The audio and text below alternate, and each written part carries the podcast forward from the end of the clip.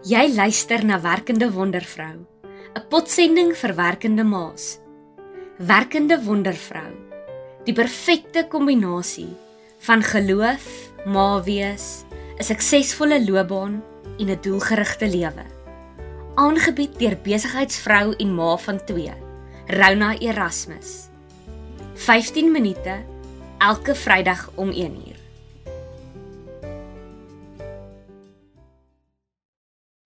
Hallo. Ek is Rona Erasmus, 'n werkende ma net soos jy. Ek glo dat ons as vrouens geskape is om 'n lewe in oorvloed te leef. Jou drome is belangrik. En dit wat jy doen, alles behalwe irrelevant. Welkom by my potsending. Die werkende wondervrou. Nou lank voordat ek nog kinders gehad het, het ek gehoor dat wanneer jou eerste kindjie gebore word, jy as 'n mamma ook gebore word. Maar so saam met hierdie geboorte van die eersteling, presies op dieselfde oomblik wat jou baba die eerste keer die lig sien, iets anders daardie plekkie in jou binneste, in jou buik kom inneem. Amper soos 'n saadjie wat daar in jou binneste geplant word. En soos die tyd aanstap en jou baba dag vir dag groter word, en jy bietjie vir bietjie en stadig maar seker vir jou kind spasie moet gun om te leef en te wees soos dat hulle groter word. Besef mens dat daardie saadjie in 'n plant verander het. Een waarvan jy dalk nie altyd bewus was nie. Nou daardie saadjie noem ek die mamma wees skuldgevoel. En sonder dat ek en jy altyd daarvan weet, is ons besig om daai saadjie water te gee.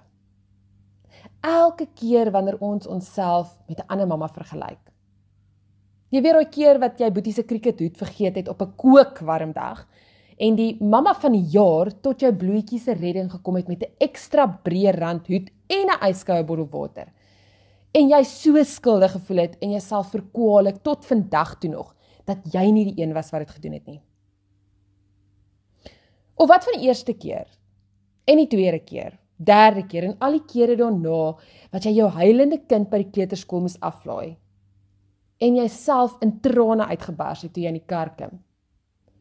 Omdat hierdie saadjie van skuldgevoelens nou al 'n hele kaktus geraak het wat binne in jou binneste fyn en flenters besig is om te sny.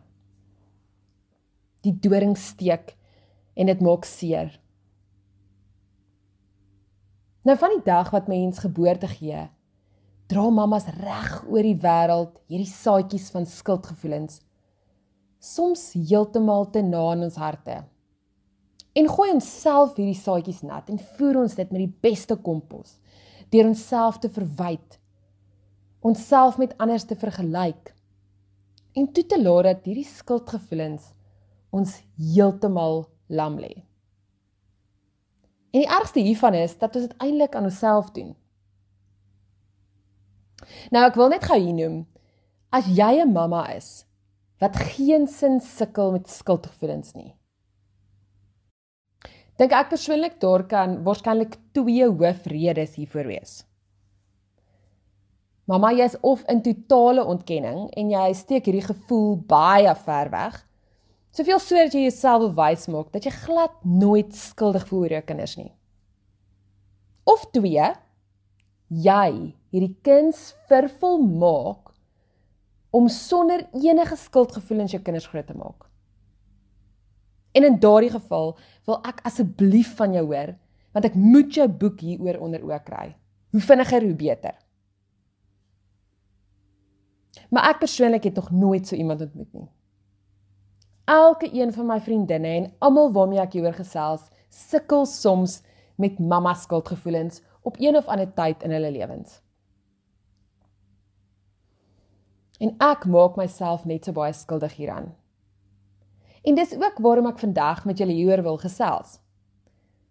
Want ek het hierdie skuldgevoelens, hierdie kaktus heeltemal te lank vatplek in my binneste gegee. Tot so rukkie gelede wat ek my seentjie vir die eerste keer arbeidsterapeut toe moes neem. Nou vir die wat nie weet nie, ek het 'n agtergrond as 'n onderwyseres. Ek het onderwys studeer. Ek het gespesialiseer in babas en peters en ek het sielkunde as vak gehad. So hierdie is reeds vir my 'n bitterpil om te sluk, om te erken dat my seentjie arbeidsterapie nodig het. Was vir my baie erg.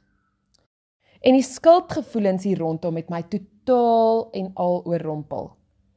Ek moet mos van beter weet. Ek moes hom die dinge kon leer wat 'n arbeidsterapeut nou vir hom gaan moet leer. Ek het nie genoeg tyd aan hom spandeer nie. Ek het nie genoeg moeite gedoen nie. Hoekom het ek dit nie vroeër raak gesien nie? En toe ek om die dag aflaai, het ek so beklemming op my bors gekry. En vir 'n sekond of 3 het dit gevoel of ek genuen nie kan asemhaal nie. My eersteling, my baba het hulp nodig wat ek as mamma nie vir hom kan gee nie. Ja, my hart het gepyn en ek het begin in hierdie spiraal van selfverwyd en skuldgevoelens af te beweeg. Maar ek het gelukkig in daai oomblik vinnig besef dat hierdie skuldgevoelens my net mooi nêrens gaan bring nie en my kind nog minder gaan help. En soos ek daar weggery het met trane wat vlak in my oë gesit het, het ek besef dat ek werklik 'n plan sal moet maak met hierdie skuldgevoelens. Maar ek het ook besef in daardie oomblik dat ek en waarskynlik jy wat nou hier luister nie somme sal kan wegkom van die skuldgevoelens wat ons so gereeld as mammas veral oor ons kinders voel nie. En net daar het dit vir my begin sin maak. Net daar het ek besluit. Dat as hierdie skuldgevoelens nou maar vir eens en vir altyd soos 'n plantjie of soos 'n saadjie deel is van my lewe, dat ek nie meer gaan toelaat dat hierdie skuldgevoelens in 'n kaktus ontaard en my hele wese negatief beïnvloed nie. Ek gaan. Nee, ek moet dit omskakel in iets positiefs, iets sinvol dat ek nie meer gaan toelaat dat hierdie skuldgevoelens my onderkry en my selfbeeld aftakel nie. Maar dat ek nou hier waar ek aan my kar ry, 'n daadwerklike besluit moet neem. Dit was asof ek in daardie oomblik besef het dat wat ook al ek nou met hierdie skuldgevoelens gaan doen, 'n impak op die res van my moederskapsreis en my verhouding met myself, maar ook met my kinders gaan hê. En net daar in die kar met trane wat teen die tyd vrylik oor my wange rol, het ek besluit om van daardie dag af hierdie skuldgevoelens as 'n maatstaf te begin gebruik.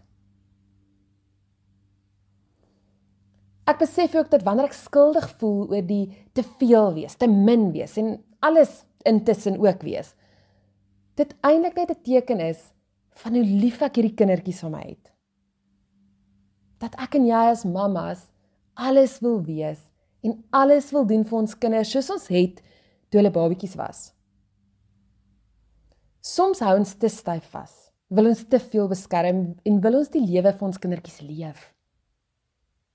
En wanneer tye soos die kom wat ons werklik nie alles vir hulle kan wees nie, dan laat dit ons soms met die warboel van emosies en skuldgevoelens. En weet jy wat? Dit is oukei. Okay.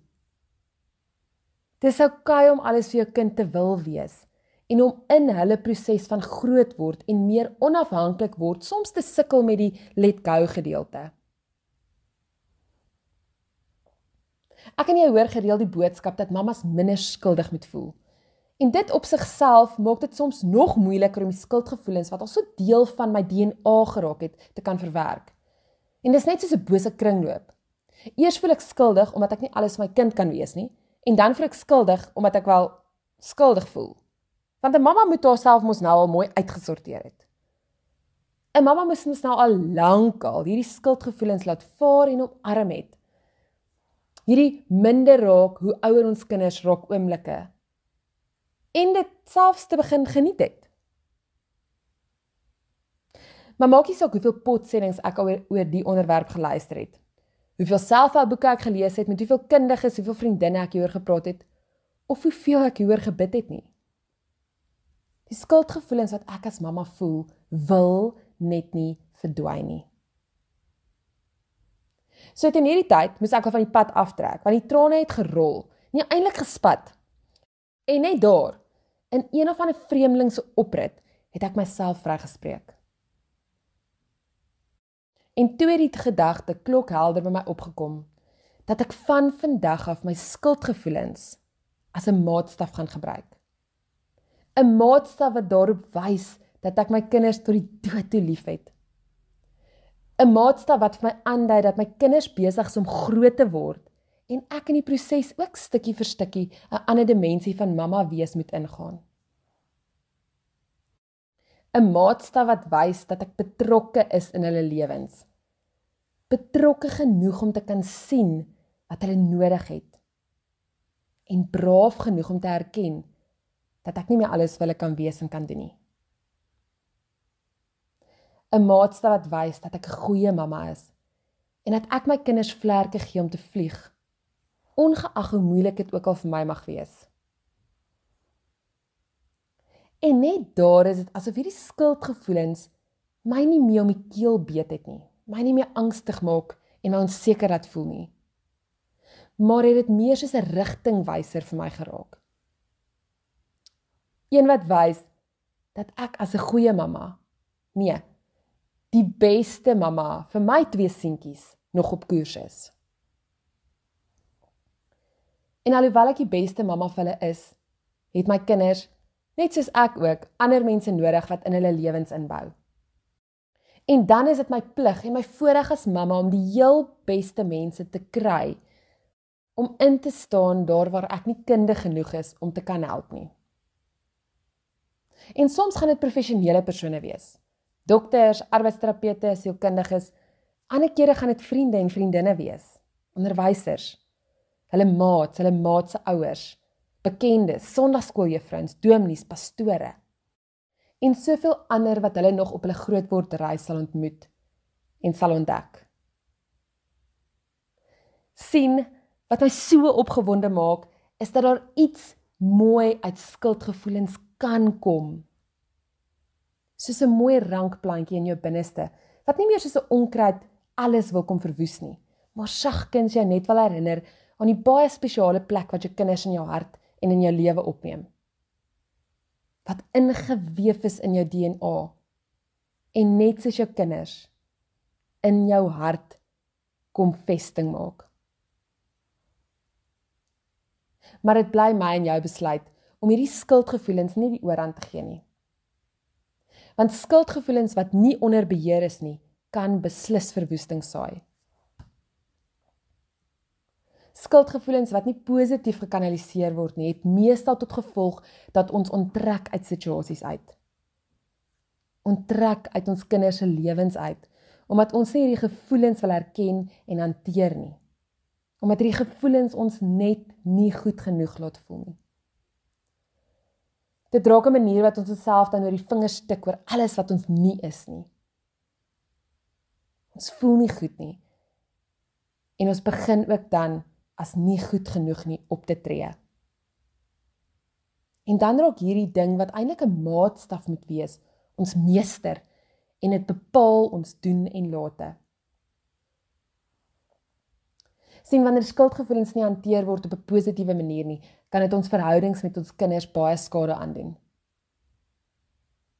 Wanneer ons onthou dat ons kinders nie doen wat ons sê nie, maar doen wat ons doen, sal ons ook besef dat wanneer ons kinders sien dat ons deur skuldgevoelens opgevreet word, hulle ook laterand in hulle lewens so sal leef en nooit hulle volle potensiaal sal kan bereik nie. Mamma, vrou, werkende wondervrou. Skuldgevoelens is normaal en dit kan 'n baie goeie ding wees. 'n Maatstaf wat jy kan gebruik om jouself teen te meet en te weet dat jy jou kinders inniglik liefhet. Laat die skuldgevoelens jou lei en jou leer en jou help om die beste oplossings te vind wat vir jou kind en vir julle gesin sal werk. Ek wil jou daarmee saam ook vandag aanmoedig om die keuse te maak om die strewe na perfeksie, het sy by die werk of by die huis, te laat vaar. Want perfeksie en skuldgevoelens loop hand aan hand. Die twee is beste maats. En wanneer ons perfeksie najag, sal die skuldgevoelens ons keer op keer op keer van binne af kom opvreet tot daar niks meer van my en jou en ons selfbeeld oor is nie. Onthou tog om genadig te wees met jouself. Jy doen die heel beste wat jy kan wanneer jy alles wat jy doen uit liefde uitdoen. En wanneer ons soms fouteer wat ons sal, moet ons rus in die wete dat Jesus selfs dit wat ons nie reg gekry of reg hanteer het nie ongedaan kan maak.